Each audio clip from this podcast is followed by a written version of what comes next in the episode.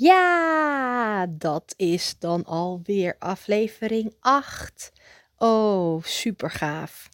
Ik weet nog dat ik begon om uh, onderwerpen te bedenken over van ja, waar ga ik het nou de hele tijd over hebben? Want ik heb superveel om te vertellen, maar wat vinden de mensen, mijn luisteraars ook interessant en leuk? En ik kwam er toch wel achter dat ik eigenlijk grotendeels over de, van de onderwerpen alleen maar over voeding, gezondheid, uh, nou ja, alles wat eh, om die onderwerpen zeg maar heen draaien, uh, weet ik heel veel om te vertellen. Maar ik dacht, dat is natuurlijk wel saai. Als iedereen alleen maar dit doet waar, hij zijn expertise vertelt, dan ja, het is, het is natuurlijk heel interessant, laten we eerlijk zijn. Maar ik denk, het is ook wel eens leuk als ik het over totaal iets anders ga hebben. En vandaag wil ik het daarom hebben over, ja ja, muziek. Want muziek, dat heeft echt een hele grote rode draad in mijn leven. Ik kan me niet herinneren dat ik, zeg maar, zolang als ik leef, ben ik al bezig met muziek. Muziek, eh, liedjes zingen, uh, liedjes schrijven, uh, muziek maken. Altijd heeft dat een hele grote aantrekking op mij gehad.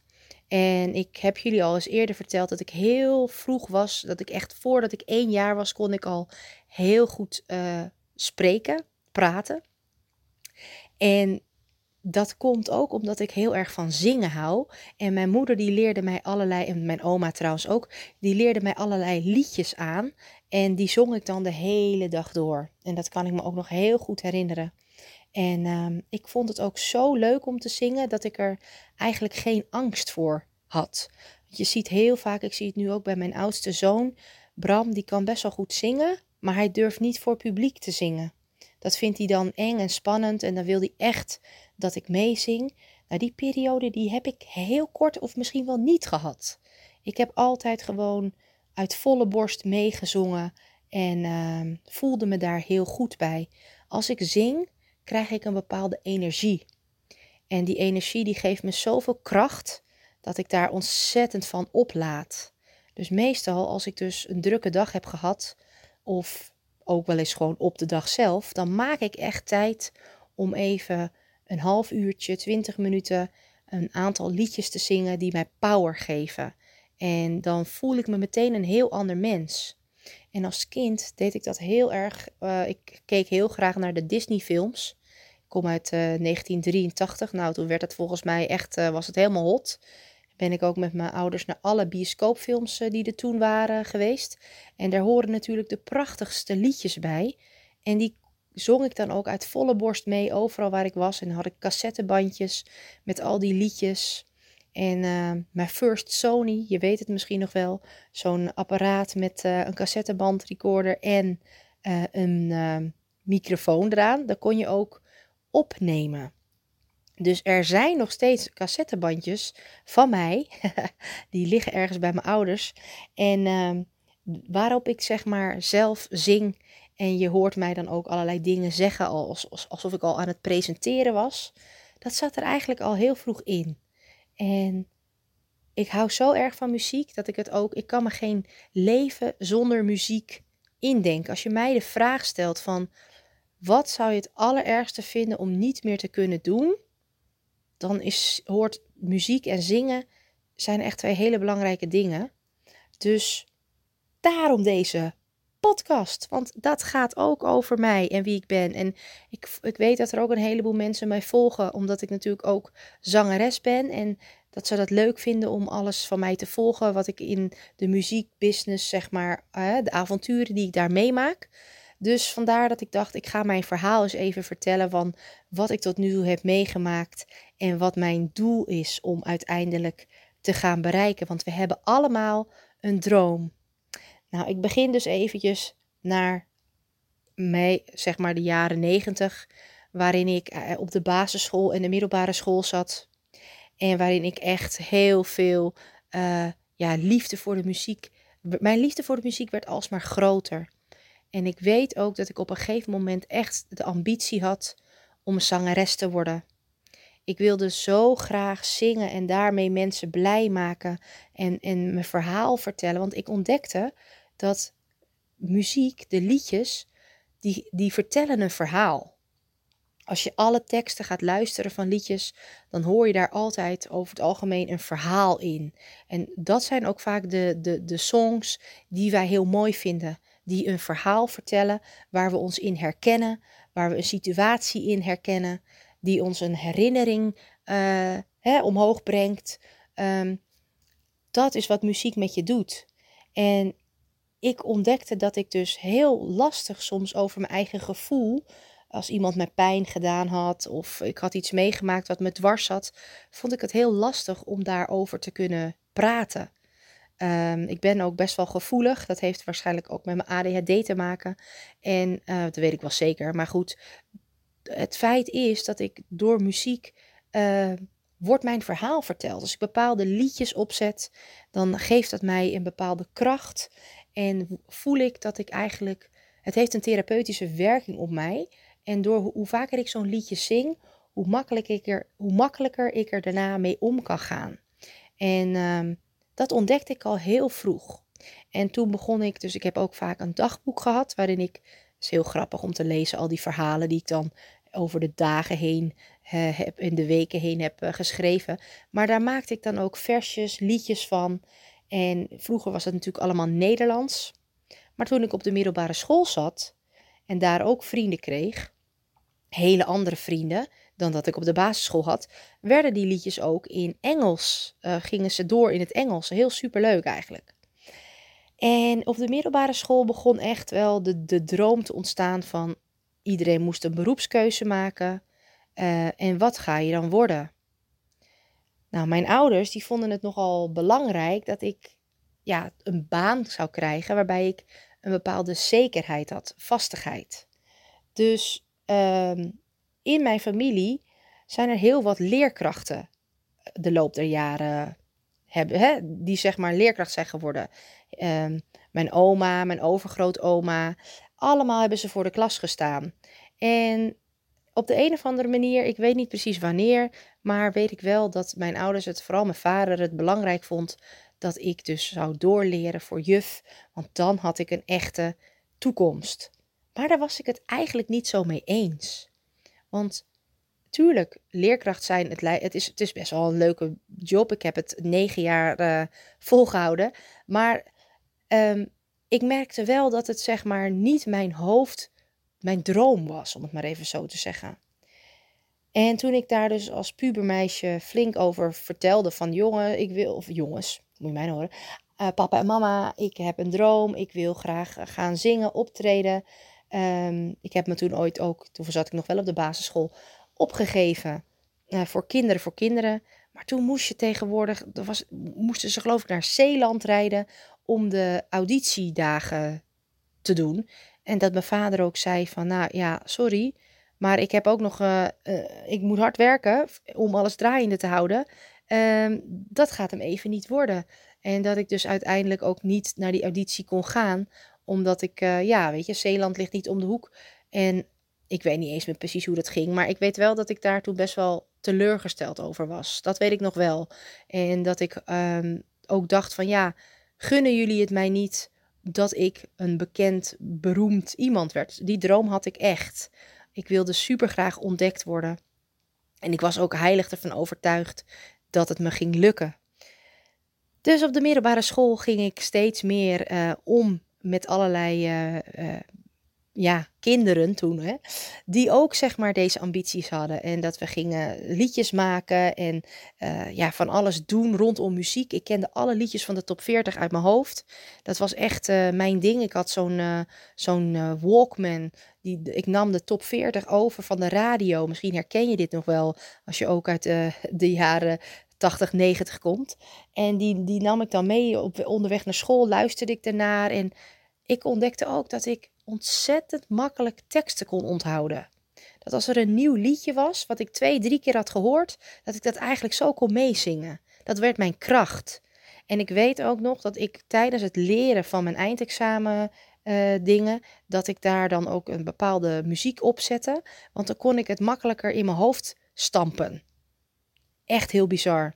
Um, ik heb nog steeds die gave dat ik als ik een liedje een paar keer hoor, dat ik het zo kan meezingen. En ook als ik nu wel eens ergens ben en er wordt er worden muziek gedraaid die ik denk ik al twintig jaar niet heb gehoord, dan nog kan ik het zo meezingen. En dat vind ik zo ontzettend knap. Herkennen jullie dat? Hebben jullie dat ook? Ik vind het best wel bijzonder dat je dus gewoon muziek heeft zoveel impact op mij dat ik gewoon uh, ja, daar heel veel mee kan. En uh, nou, op de middelbare school begon ik ook mee te doen al aan talentenjachten. Die werden dan ook op school georganiseerd. Die werden in de omgeving in buurthuizen georganiseerd. En ik ging daaraan meedoen. En um, het grappige is, ik heb nog nooit een talentenjacht gewonnen. Maar ik werd wel altijd als een van de laatste, dus in de top drie. Of uh, nou, in ieder geval, ik kwam best wel ver. En ik heb daarom ook heel veel mensen leren kennen die ook allerlei talentenjachten deden. En dat we elkaar, zeg maar, uh, toen had je nog niet echt op, op social media, maar dat je elkaar daar wel tegenkwam. En dat je dus ook uh, bij wijze van nog met hun ging bellen naar de huistelefoon. Om uh, te vragen, ga jij ook daarheen? En zie ik je daar? En welke liedjes ga je doen? Toen ik een jaar of 16 was, toen... Ehm, ik werkte ook bij een groenteboer in Muidenberg, waar ik vandaan kwam daar zong ik ook. Ik was uh, heel graag achter in de keuken, zeg maar. Waar alles werd schoongemaakt. En, want, weet je, daar werd de radio lekker hard aangezet. En dan kon ik lekker meezingen. Dus dat vond ik leuk. En die andere meiden die er ook werkten, die, die werkten dan, die liepen in de winkel en die hielpen klanten. En liet mij, laat mij maar lekker achter schoonmaken en alles snijden en lekker achter bezig zijn. Want dan had ik muziek. En dan kon ik heerlijk lekker me helemaal met hem op de muziek laten gaan. En um, ik weet nog dat ik toen ook een uh, tijdschrift had, de Breakout, misschien ken je het nog, waarin allerlei uh, ja, dingen voor tieners en pubers zeg maar stonden en vooral ook met uh, de Backstreet Boys, de Spice Girls. nou, Britney Spears kwam toen ook al helemaal, was helemaal populair en er stond toen van een platenlabel uit Amsterdam, Shadow Song Records. Ze zochten een uh, aantal meiden voor in een meidengroep. Een beetje zoals de Backstreet Boys, maar dan meiden. Spice Girls was meer pop en Backstreet Boys was een beetje R&B pop. Nou, en ik weet dat ik ook tegen mijn ouders zei: ik ga hem hiervoor opgeven en ik ga hieraan meedoen en ik ga het worden. Ik word een van die meiden. Ik zag mezelf al helemaal in die groep staan, terwijl ik wist helemaal niet hoe en wat. Dus ik uh, moest een uh, geluidsfragmentje opnemen. Dat heb ik toen ook, ik weet niet eens meer hoe, maar heel uh, amateuristisch heb ik dat gedaan. Opgestuurd. En ehm, ik werd eigenlijk meteen al de volgende dag, dat ik, ik had het bewijzen van op donderdag opgestuurd. En op zaterdag mocht ik op auditie komen. En dan moest ik twee liedjes zingen, een ballad en een uptempo nummer. In een studio, wat ik nog nooit had gedaan. Maar ja, ik weet, toen wist ik al, nooit laten merken dat je het nog nooit hebt gedaan of dat je zenuwachtig bent. Gewoon doen alsof je niet anders gewend bent. En uh, ik, ik kwam daar in Amsterdam, vlakbij het Amstelstation. Ik was super zenuwachtig. Ik weet nog dat ik vlekken in mijn nek had. Helemaal stond ik te trillen als een rietje. Ik geloof dat het smiddags was en ik had die hele ochtend niet kunnen eten. Maar ik weet dat ik die kamer instapte, die, die studiokamer. En dat ik echt, dat er een soort van puzzelstukje viel van wauw, hier wil ik staan. En dat ik ook een bepaalde kracht kreeg. Ik had natuurlijk twee liedjes uitgekozen die ik helemaal van haver tot gort kende. En um, allebei Engelse liedjes. En, en dat in, in het snelle uptempo nummer zat ook een stukje, uh, een rapstukje. En dat hadden ze nooit van mij verwacht. Dat ik dus een stukje in dat nummer zou rappen. En dat is dus ook mijn uh, kracht geweest waarom ik heel erg opviel. Terwijl ik zangtechnisch was ik niet zo ver als misschien andere mensen. Maar ik liet daar wel een heel stukje lef zien en uit mijn comfortzone. Waardoor ze eigenlijk zoiets hadden van, ja, maar als ze dit al zo doet, dan willen we haar. Dus ik werd een van de meiden die in de, we heten legacy, zoals de, de, de erfenis, zeg maar op zijn Engels, legacy, werden wij uh, neergezet. En ik heb dus vanaf mijn, ik denk, eind 16, begin 17 tot en met mijn 19e, had ik elke week ging ik naar de studio, hadden we les. uh, studioles. We hadden, zeg maar, we namen nieuwe nummers op. We gingen op een gegeven moment ook uh, dansles krijgen, omdat we de videoclip gingen opnemen. Het was geweldig. En in die tijd, dus van mijn zeg maar eind 16 tot begin 19, was ik alleen maar met muziek bezig. En ik was er heilig van overtuigd. Iedereen die mij kende, die wist ook, Lot is alleen maar bezig met liedjes maken. We hebben een aantal nummers opgenomen. Super tof. Ik heb ze ook nog steeds. En uh, alleen wat er dus toen, toen ik ongeveer 19 was gebeurde, was dat het label had zoveel schulden gemaakt. Ja, vraag me niet hoe het kon. Maar uiteindelijk was het dus wel zo, het geld was op. En op het moment dat we eigenlijk de videoclip en alles zouden uitbrengen, stonden we op straat. En er moest zoveel geld in gepompt worden dat dat gewoon niet haalbaar was. En ja, dat er eigenlijk de, de droom die ik had, viel in één keer in, duigen. En um, dat was best wel een, een, een, ja, hoe noem ik dat? Ja, het was echt wel een, een, een steek in mijn rug, een mes in mijn rug. Dat ik dacht, hoe is dit mogelijk? Ik, ging zo goed. Alles liep goed. Ik deed hier alles voor. Ik heb zoveel gelaten. Ik ben niet meer naar feestjes gegaan. Ik ben niet meer gaan afspreken met mensen omdat ik alleen maar wilde zingen en daarmee bezig zijn. Ik had ook dan mijn opleiding, wat ik wel van mijn ouders echt moest doen.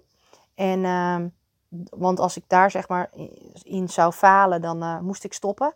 En dat snapte ik ook wel, dus dat, had ik, dat deed ik dan ook. Maar ik, ik was zo verdrietig dat dat gewoon uiteindelijk niet meer uh, ja, doorging ik heb daar best wel even lang verdriet van gehad. Dat ik eigenlijk wel een jaar lang even niet wilde zingen, optreden, uh, nou ja, noem het op. En dat ik me terugtrok, maar dat ik wel vooral zelf muziek bleef luisteren. En dat gaat nooit over. En toen kwam het eigenlijk zo dat ik uh, op een sportschool dacht ik dat ik alleen was. Ik dacht, uh, ik ben alleen, ik ga lekker sporten. Het was geloof ik op een vrijdagavond en mijn uh, ex die zat op basketbal vrijdagavond. En die was lekker bij, uh, zeg maar aan het trainen en ik dacht ik wil niet alleen thuis zijn. Dus ik begon op die avonden als hij aan het sporten was, ging ik ook sporten.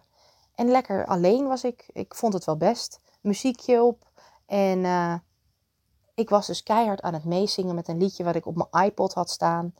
En ik dacht dat ik helemaal alleen was. En ineens werd ik door de Bali-medewerker op mijn rug getikt. En die zei: Wauw, wat heb jij een stem. Jij moet auditie gaan doen voor, mijn, voor de band van mijn man. Want de zangeres die daar nu uh, bij zit, die is eigenlijk niet zo goed. En ik hoor jou en ik weet meteen, jij moet in een band. Jij bent helemaal goed. En toen dacht ik, oh. Nou, toen ben ik het eerst nog even gaan overleggen. En ja hoor, mijn, ex die uh, was in eerste instantie een beetje van, nou je doet maar, maar uh, ga je toch uh, niet zo ver inkomen en dat soort dingen. Maar ik had zoiets van, weet je, ik vind het wel weer leuk om iets anders te doen. Dat studio zingen, dat, dat, dat ken ik dus ook. Hè? Ik kan best wel makkelijk in een studio zingen. Het is, misschien weet, voor de mensen die het niet weten, het is heel anders of je in een studio staat, of dat je op een podium staat, of dat je thuis staat allemaal heel anders. En er zijn bepaalde technieken die je dus hebt, waardoor je het voor jezelf nog makkelijker kunt maken. En uh, ik ben een echte studiozangeres. Dat komt omdat ik daar eigenlijk mijn eerste ervaring echt een aantal jaar flink veel in de studio heb gestaan. En dat ik daardoor ook gewoon me daar heel thuis in voel. En ik weet dus dat met het band, oh, dat was een wereld van verschil. Want ja, weet je, als je gewend bent om in een studio de muziek in je oor te krijgen.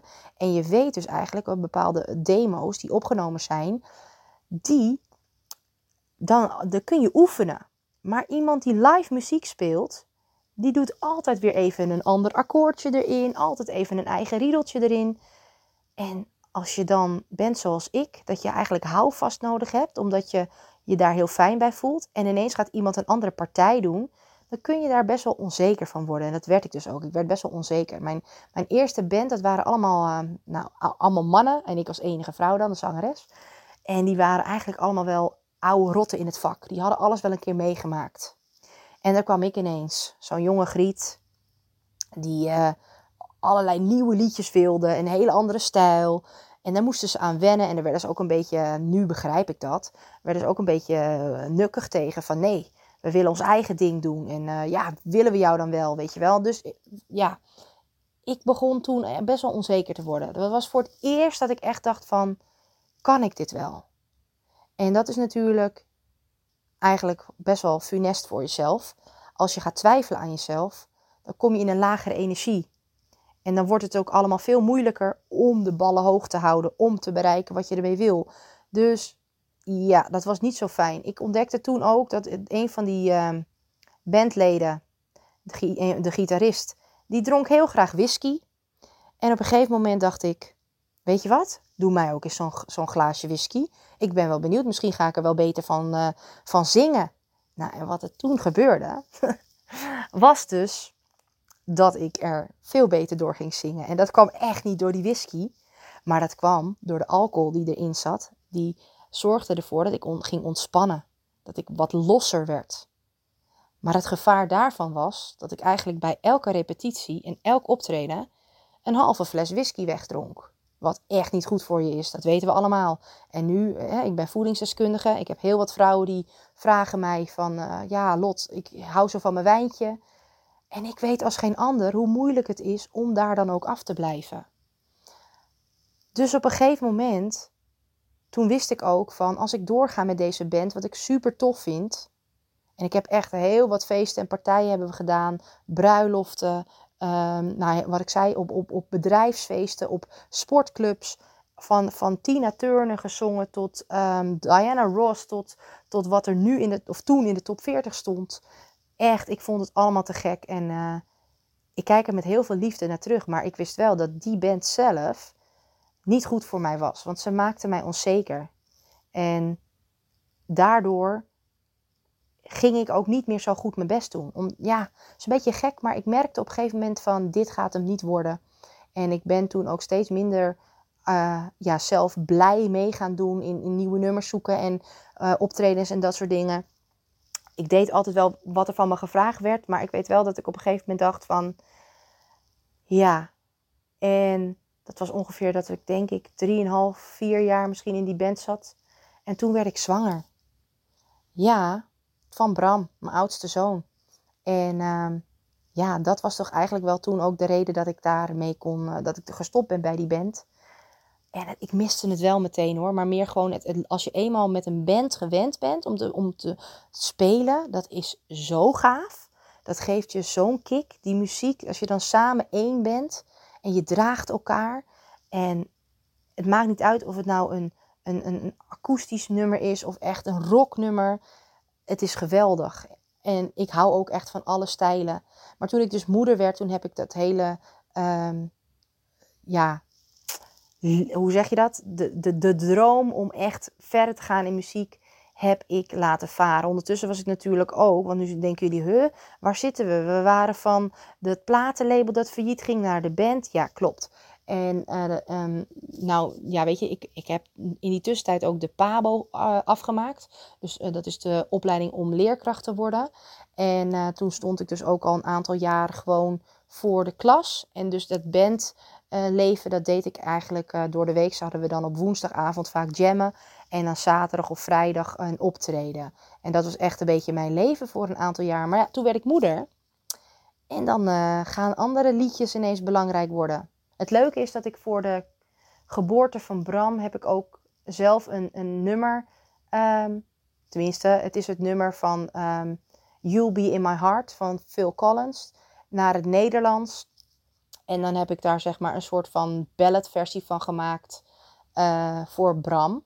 Om in plaats van een geboortekaartje te sturen. Want ik dacht, ja, ik vind het veel toffer als ik een lied voor hem zing. Wat iedereen kan luisteren. En ook de liefde die ik daarin stop dan dat je een kaartje hebt wat iemand stuurt. En ja, weet je, wat doen mensen uiteindelijk met zo'n kaartje? Dus toen heb ik zelf, want ik had helaas geen contact meer met echte, ja, wel via via heb ik toen iemand gevonden die de muziek voor me heeft gemaakt. En die ook een studio had. En dat was echt een heel eind rijden. Ik weet niet eens meer waar, maar het was wel heel ver weg. En uh, die man had ik van tevoren opgebeld en die had ook gezegd tegen me, nou, uh, jij wil graag komen zingen, dan hebben we twee uur nodig voor dat liedje. En om het zeg maar in te zingen, heb je, moet je wel twee uur minimaal boeken de studio. En ik geloof dat ik toen 50 euro per uur moest betalen voor de studio of zo. En ik kom daar aan en ik was dus al best wel wat weken zwanger. Ik denk dat ik een, week of dertig was. Dus al best wel een dikke buik.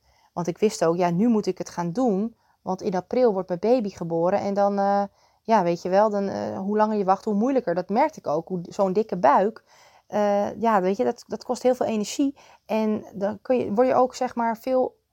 ik ging veel hoger ademen. Dus dat was gewoon voor mij dat ik dacht, ik moet wel met 30 weken minimaal, wist ik, nu moet ik het gaan inzingen. Dus die man die, uh, die doet uh, de deur open, die ziet mij en die ziet mij met die dikke buik en die zei, oh, ik denk dat we misschien nog wel een uur moeten boeken voor de studio. Ik zeg, nou, ik denk het niet eigenlijk. En uh, ik ben dus gewoon die studio ingegaan. Ik heb hem één keer gewoon dat nummer eventjes gewoon ingezongen. En de tweede keer heeft hij hem opgenomen en toen waren we eigenlijk al klaar. En hij zei echt, nou, dit heb ik nog nooit meegemaakt. En ja, ik moest er heel hard om lachen. Want hij dacht waarschijnlijk dat ik iemand was die nog nooit zoiets had gedaan. Maar ik heb natuurlijk best wel een aantal jaren echt intensief in de studio gezongen. En ik kon ook eerste en tweede stem. Ik kan alles, zeg maar, dat heb ik daar allemaal geleerd van die jaren. Want ik was dan natuurlijk in die meidengroep uh, zong ik zowel solo als zeg maar de tweede of de derde stem. En dat is me toen ook echt aangeleerd. Dus dat was voor mij best wel uh, zoiets van, nou, ik doe dit wel eventjes. En ik had het natuurlijk goed voorbereid. Dus ik hoefde uiteindelijk ook maar één uur te betalen van de studio. Dat vond ik wel heel erg lief. en uh, het nummer is echt heel leuk geworden. Je hoort wel, ik hoor nu wel van, oh ja, daar had ik eigenlijk ademnood, want ik had die dikke buik. Maar, maar een ander zal dat nooit horen. Tenminste, de mensen die er niet zoveel verstand van hebben, die luisteren heel anders naar liedjes dan echte muzikanten dat doen. En uh, dat vind ik dan wel heel, heel leuk. En voor Joris, mijn tweede zoon, heb ik ook weer een liedje uh, gemaakt. En dat heb ik dan weer heel leuk uh, met de gitarist van mijn band gedaan. Die dan zelf dat nummer heeft ingespeeld. En ik heb dat dan bij hem thuis boven op zolder hebben we dat opgenomen. En dat is ook heel mooi geworden. Kun je ook op YouTube gewoon vinden. Um, en ja, daar ben ik best wel trots op. Dat vind ik ook heel tof dat ik dat zo voor hun heb kunnen doen. Dus um, ik heb ook ontdekt dat ik bijvoorbeeld veel makkelijker kan zingen dan dat ik kan praten. Ik weet niet of je ooit uh, op een begrafenis of een crematie uh, hebt gesproken voor iemand van wie je afscheid ging nemen. Mijn allereerste keer was bij mijn oma van mijn vaders kant, de moeder van, van mijn vader, zeg maar. En daar had ik een, gedichtje gemaakt, iets wat ik wilde voorlezen, voordragen. Maar ik kreeg de woorden niet uit mijn mond. Ik weet alleen maar dat ik alleen maar heb, uh, alleen maar heb gehuild en dacht: dit kan ik echt, echt niet. Ik, ik kan dat niet dan. En ik heb ook respect voor mensen die dat wel kunnen. Maar wat ik heb ontdekt, is dat ik wel kan zingen.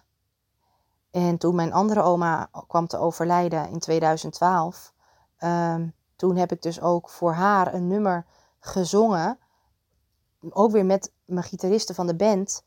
Um, zeg maar live tijdens de ceremonie. Heel mooi was dat. En uh, ik werd door hun zeg maar gesteund in de muziek. En zodra de, de, de, de muziek speelde, ja, daar ging ik zeg maar uh, kracht van krijgen. En kan ik daardoor dus hupplatee die woorden eruit zingen. En uh, als ik dat dan terugluister, want ik heb die opname, uh, dan hoor je ook een hele. Het lijkt wel alsof er gewoon een knop omgaat bij me dan. Ik zeg daarvoor een paar woorden, dan hoor je me heel erg, heel erg trillen van verdriet. En zodra de muziek start en ik moet zingen, ben ik gewoon echt een powervrouw. En dat is wat muziek eigenlijk met mij doet. En de afgelopen paar jaar heb ik natuurlijk heel wat, wat ellende meegemaakt. En uh, heb ik zoveel baat en steun gehad bij, um, bij liedjes. Want je kunt je afvragen, oké Lot, je bent een aantal jaar moeder geweest. Uh, dus daardoor ben je, of je bent moeder. En daardoor ben je dus niet meer met muziek bezig gegaan. En ineens in 2018 ben je weer vol gas gaan zingen. En dat is waar. En als je dan vraagt hoe kan dat, dan heeft dat ook te maken met op dat moment uh, wist ik dus al dat ik in scheiding lag en dat muziek hield mij overeind. En ik had muziek nodig om door te gaan. Dus ik greep elke gelegenheid aan om muziek te maken. Ik ging zelf naar elke uh, talentenjacht weer die er in de buurt was. Ik ging ehm, eh, naar een open podium en een open mic.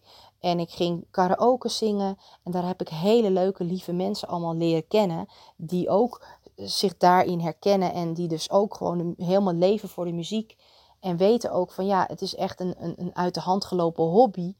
En dat karaoke zingen, dat, uh, dat, werd echt een soort van uh, therapiegroep. We gingen dat met een hele groep doen. En dat was zo geweldig. We hebben echt daar hele leuke avonden. Tot aan dat de lockdown kwam, heb ik dat nog gedaan. En uh, inmiddels heb ik toen ook besloten van... Lot, je zingt nu al zoveel jaren altijd liedjes van iemand anders. Dat klopt. Ik, ik heb ook echt heel wat muziekidolen, zeg maar. Mensen waar ik echt wel fan van ben. En ik hou, mijn, mijn muzieksmaak is heel breed. Dus ik dacht, ik wil ook echt zelf liedjes zingen. En zelf mijn eigen muziek maken. Maar ik ben niet zo vakkundig, zeg maar, in het produceren van muziek. Ik kan wel goed uh, liedjes schrijven. En um, zeg maar, ik heb heel makkelijk dat ik uh, een eigen melodielijn en alles kan bedenken. Maar ik, ik heb heel veel moeite om een beat te, bijvoorbeeld te maken. Dus ja, dan loop je daar tegenaan. En dan weet je ook van, hey, dit wordt hem nooit op, op echt topniveau. Dus uiteindelijk heb ik de stoute schoenen aangetrokken in 2019. En ben ik uh, met uh, Anro Productions in Apeldoorn, onder leiding van Roy Otters, misschien kennen jullie hem, ben ik met hem gaan samenwerken. En heb ik inmiddels al drie nummers waar ik uh, aan werk. En je zou denken, ja, wat jammer, we willen ze zo graag horen. En dat begrijp ik helemaal, want ik sta ook te popelen om, um, ja, zeg maar, de, de, mijn eerste hit uit te brengen. Ja, hit, ik vind het, ik, voor mij, uh, weet je, waarom maak ik muziek? Ik doe het vooral voor mezelf, omdat ik het gewoon super tof vind dat ik dadelijk weer kan optreden en dat ik dan mijn eigen nummers kan zingen. Tuurlijk blijf ik ook alle gouden oude nummers waar jullie me zo om volgen en wat jullie allemaal super leuk vinden, blijf ik zeker doen. En, uh, maar ik heb wel zoiets van: het is ook tijd nu dat ik mijn eigen muziekkeuze, mijn, uh, mijn eigen smaak, mijn eigen nummers uh, naar buiten breng. En het worden sowieso feestnummers in de zin van die je op een leuke avond gewoon laat dansen. Want daar hou ik zelf ook heel erg van. En wees eens eerlijk, heel weinig vrouwen maken echt up-tempo muziek tegenwoordig. Het is allemaal mooie ballads en allemaal van die powervrouwen die nummers maken waar je heel mooi naar kan luisteren. Maar het is niet echt heel dansbaar. Dat, dat, dat doen meer de mannen. Daarom zie je ook mannen veel meer in cafés en kroegen, omdat die de feestnummers doen.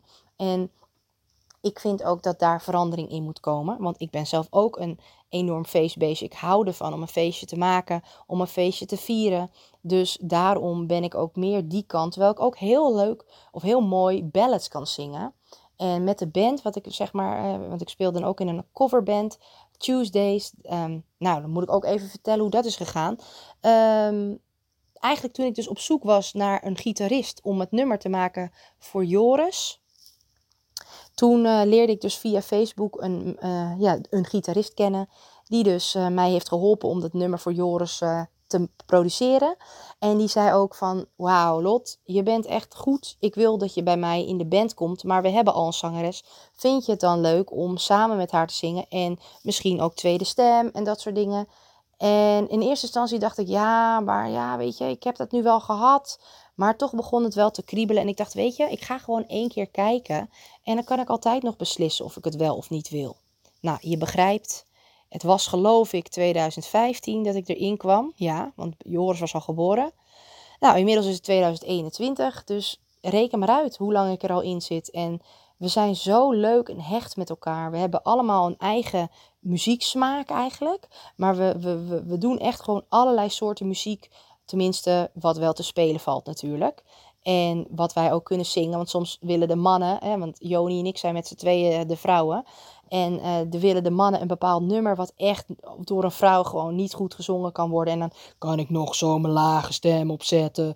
Maar nee, dan klinkt het gewoon niet. Ik moet wel zeggen, hoe ouder ik word, en dat is heel normaal hoor, hoe lager ik kan zingen. Dus mijn bereik wordt in een mooi laag. En um, vroeger kon ik eigenlijk alleen maar heel hoog zingen. Tenminste, dat vind ik heel fijn. En um, Nu kan ik het allebei nog wel een beetje. Maar dat is echt super tof. En de band, ik zou echt nooit zonder ze willen. Want het is gewoon een feestje om met ze te kunnen spelen. En uh, ik, nu mogen we zelfs niet eens meer repeteren. We hebben echt al nou, zoveel maanden niets gedaan.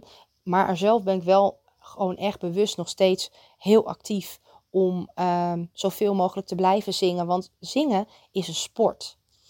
Het is natuurlijk ook een spier die je traint. En op het moment dat je dus niet vaak genoeg traint, word je dus ook niet beter en dan word je zelfs slechter. Er zijn echt periodes geweest dat ik heel makkelijk een bepaalde octaaf kon halen. En waar ik dan bijvoorbeeld nu heel veel moeite voor moet doen. En dat heeft niets te maken met ouderdom, maar dat heeft puur te maken met hoe train jij je stem. En hoe uh, zorg jij dus dat jij uh, jezelf te bereik blijft houden. En nou ja, zeg maar beter wordt. Dat was ook een van de redenen waarom ik altijd ben blijven meedoen aan talentenjachten. Dus als jij dit luistert en je hebt zelf ook ambitie om muziek te maken, om zeg maar, uh, ja, gewoon met, met zingen bezig te zijn, ga meedoen aan talentenjachten. Want daar leer je zoveel van. Je leert daar, dan, ze zeggen dan ook, dan ga je vlieguren maken. En daar bedoelen ze eigenlijk mee dat je dus leert om op een podium te staan, om zeg maar te zingen door een microfoon, om je gehoor zeg maar uh, te optimaliseren, om contact te maken met het publiek, uh, nou, in iedere ruimte is weer anders. Dus het is heel goed om op verschillende plekken te zingen, zodat je ook uh, leert omgaan daarmee. En uh, daarvan word je dus ook echt beter. En het is echt niet, het gaat, je moet niet meedoen omdat je wil winnen of omdat je denkt dat je kans maakt. Tuurlijk, dat heb ik ook. Die illusies heb ik ook altijd gehad. Maar de winst die je eruit haalt uh, van hoe je ook een ander. Je leert ook van naar anderen kijken die op het podium staan en die bepaalde dingen doen. En uh, dat neem je dan ook weer mee in je eigen uh, repertoire. En zo is het gewoon echt een heel mooi avontuur. En je ziet eigenlijk dat alle artiesten uiteindelijk doen dat. Die gaan ergens zingen, die gaan naar talentenshows, die doen mee en die worden beter. En die gaan door. Ik heb zelf ook heel vaak zangles gehad. En um, in eerste instantie uh, vrij amateuristisch. Als ik dat nu terug op. Uh, ben ik een aantal jaar bij een vrouw geweest die eigenlijk een eh, amateur was. Maar ik dacht dat zij goed zangles gaf. En uiteindelijk heb ik gelukkig veel mezelf ook kunnen aanleren. Maar het is gewoon heel belangrijk dat je, als je de puntjes op de i wil zetten. Um, je hoort niet altijd alles meer wat je zelf doet. Je hebt een bepaalde techniek aangeleerd bij jezelf. Je bent misschien makkelijk geworden in, in, in hoe je zingt. En dan ben je ook niet zo streng voor jezelf. En dan zul je je dus ook niet kunnen verbeteren. Dus het is heel goed om een zangcoach of een, uh, ja, een zangles te nemen bij iemand die daar jou in verder kan helpen. En trek je niks aan van wat anderen zeggen. Dat is ook iets, als je wist hoe vaak iemand tegen mij gezegd heeft: hou je mond, je kan niet zingen. Zelfs mijn eigen ex uh, die had er een hekel aan uh, dat ik als ik weer aan het zingen was. En uh, daardoor laat je je tegenhouden. Dat is echt heel vaak zo. En dat is met alles wat je wil bereiken. Dus ga, blijf doorgaan. Als iemand het niet mooi vindt wat je doet, is niet per definitie de waarheid. Het kan ook zomaar zijn dat, weet je, waarom zegt zo iemand dat? Luister er alsjeblieft niet naar en ga gewoon door. Doe je eigen ding. En neem jezelf ook, probeer jezelf op te nemen. Nou, dat kan zelfs tegenwoordig met een mobiele telefoon. Kun je, ik zeg niet dat dat geweldig uh, geluid is. Nee, absoluut niet. Maar het is wel uh, goed genoeg om jezelf terug te kunnen horen. En ga het dan eens beoordelen. Ga eens luisteren naar jezelf. Je hebt ook leuke apps die je kunt doen. Uh, de Smoel of Smule app vind ik ook heel erg geweldig. Ik ben er niet zo actief meer mee, want ik heb het gewoon hartstikke druk met mijn eigen dingen. Maar dat zijn wel allemaal hele leuke apps om jezelf beter te maken. En ga ook gewoon eens, uh, zodra het weer mag, lekker meezingen bij bepaalde avonden in de kroeg, wat ik ook heb gedaan. Dat, daar ga je alleen maar van leren. Dus um, ja, ik wil je ook adviseren als je ambitie hebt om een eigen nummer te maken, maar je denkt dat het allemaal heel veel te moeilijk is en niet voor jou weggelegd, omdat je misschien daarvoor zoveel duizenden euro's nodig hebt. Nou, ik weet een andere weg. En als je dat wil, dan kan ik je daarin helpen. Um, ik heb er zelf ook spijt van dat ik niet jaren geleden dit al heb gedaan. Maar toen heb ik me veel te veel laten meeslepen door de geluidsmannen die ik toen uh, kende. Die zeiden, ja, je moet niet met hun in zee gaan. Dat is allemaal amateuristisch. En weet je, in de muziekwereld, eerlijk is eerlijk. Ze praten allemaal over elkaar. Het is eigenlijk niet leuk, maar dat heb je in elke business wel. Maar het is soms wel dat je moet beseffen van niet naar luisteren en gewoon doorgaan. En je eigen gevoel volgen. En gewoon je eigen ding blijven doen. Want een ander gaat altijd iets over jou zeggen. Er zijn altijd mensen, als je van de honderd mensen vraagt: van wat vind je ervan?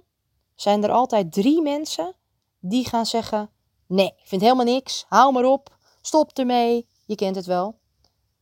Maar er zijn altijd ook 97 mensen die het wel geweldig vinden, maar die je niet zo snel hoort. Want je luistert altijd alleen naar die drie mensen, die negatievelingen. Dat is mijn advies. Luister niet naar die negatievelingen en doe je eigen ding.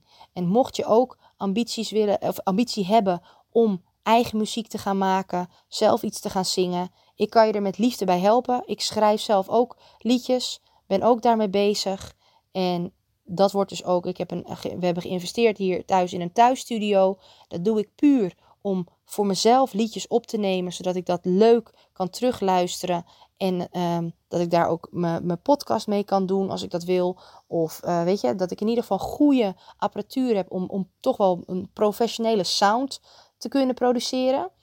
Maar ik ben in de toekomst ook wel geneigd om, om voor anderen iets te gaan doen. Want ik weet dat ik dat kan en ik vind het allemaal zo leuk. Dus ik ben een voorstander, als je ergens energie van krijgt, als je iets leuk vindt, dan moet je dat ook doen. Want daarin liggen jouw krachten en jouw, ja, doe dat gewoon. En wat ik zei, door te doen word je alleen maar beter. En in het begin is het misschien nog niet het gewenste niveau, maar als jij doorzet, als jij echt wil, dan ga je daar succes in krijgen en word je dus wel de beste. En dat is wat ik zelf ook had. Wat ik al zei met ook het, het, het, uh, het naar die auditie toe gaan van die uh, meidenband. Dat ik eigenlijk al mezelf helemaal zag staan in die meidenband. En dat ik wist, ik ga dit worden. En uiteindelijk werd ik het ook. En nu weet ik nu, na zoveel jaar later, dat ik dat toen eigenlijk al manifesteerde. Dat ik toen al wist, als ik het nou doe alsof, dan word ik dat. Want dan heb ik zoveel kracht en zelfvertrouwen, dan hoef ik ook niet meer bang te zijn dat ik het niet ga worden. En dat is dus wat ik eigenlijk in de aantal dingen, de succesdingen die ik echt in mijn leven heb gehad, gekregen. Nee, niet gekregen. Je krijgt niks in het leven. Waar ik voor gewerkt heb. Dat is dus wat ik gemanifesteerd had. Omdat ik wist, ik wil dat. Dan is weer die wet van de aantrekkingskracht van als je iets echt wil, dan komt dat naar je toe. En dat heb ik toen ook gedaan.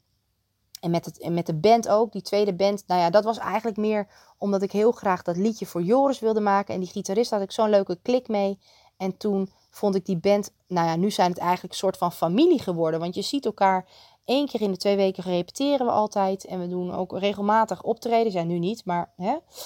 Dus je wordt echt familie. Je ziet mensen van je band vaker dan je eigen familie.